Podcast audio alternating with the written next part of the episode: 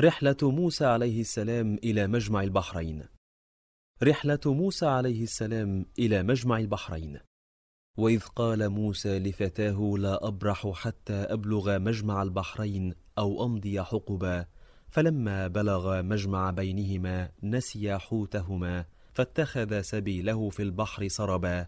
فلما جاوزا قال لفتاه آتنا غداءنا لقد لقينا من سفرنا هذا نصبا.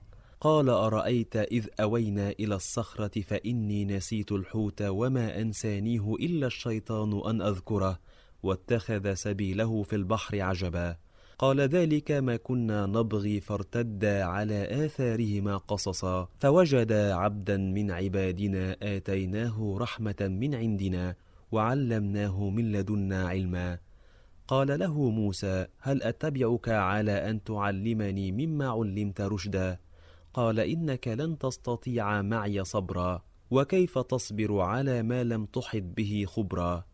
قال ستجدني إن شاء الله صابرا ولا أعصي لك أمرا. قال فإن اتبعتني فلا تسألني عن شيء حتى أحدث لك منه ذكرا.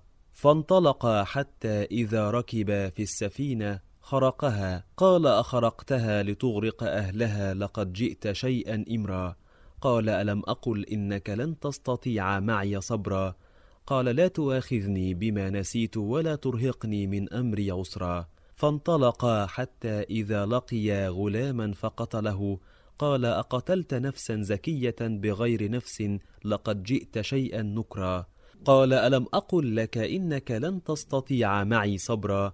قال إن سألتك عن شيء بعدها فلا تصاحبني. قد بلغت من لدني عذرا. فانطلقا حتى إذا أتيا أهل قرية استطعما أهلها فأبوا أن يضيفوهما فوجدا فيها جدارا يريد أن ينقض فأقامه.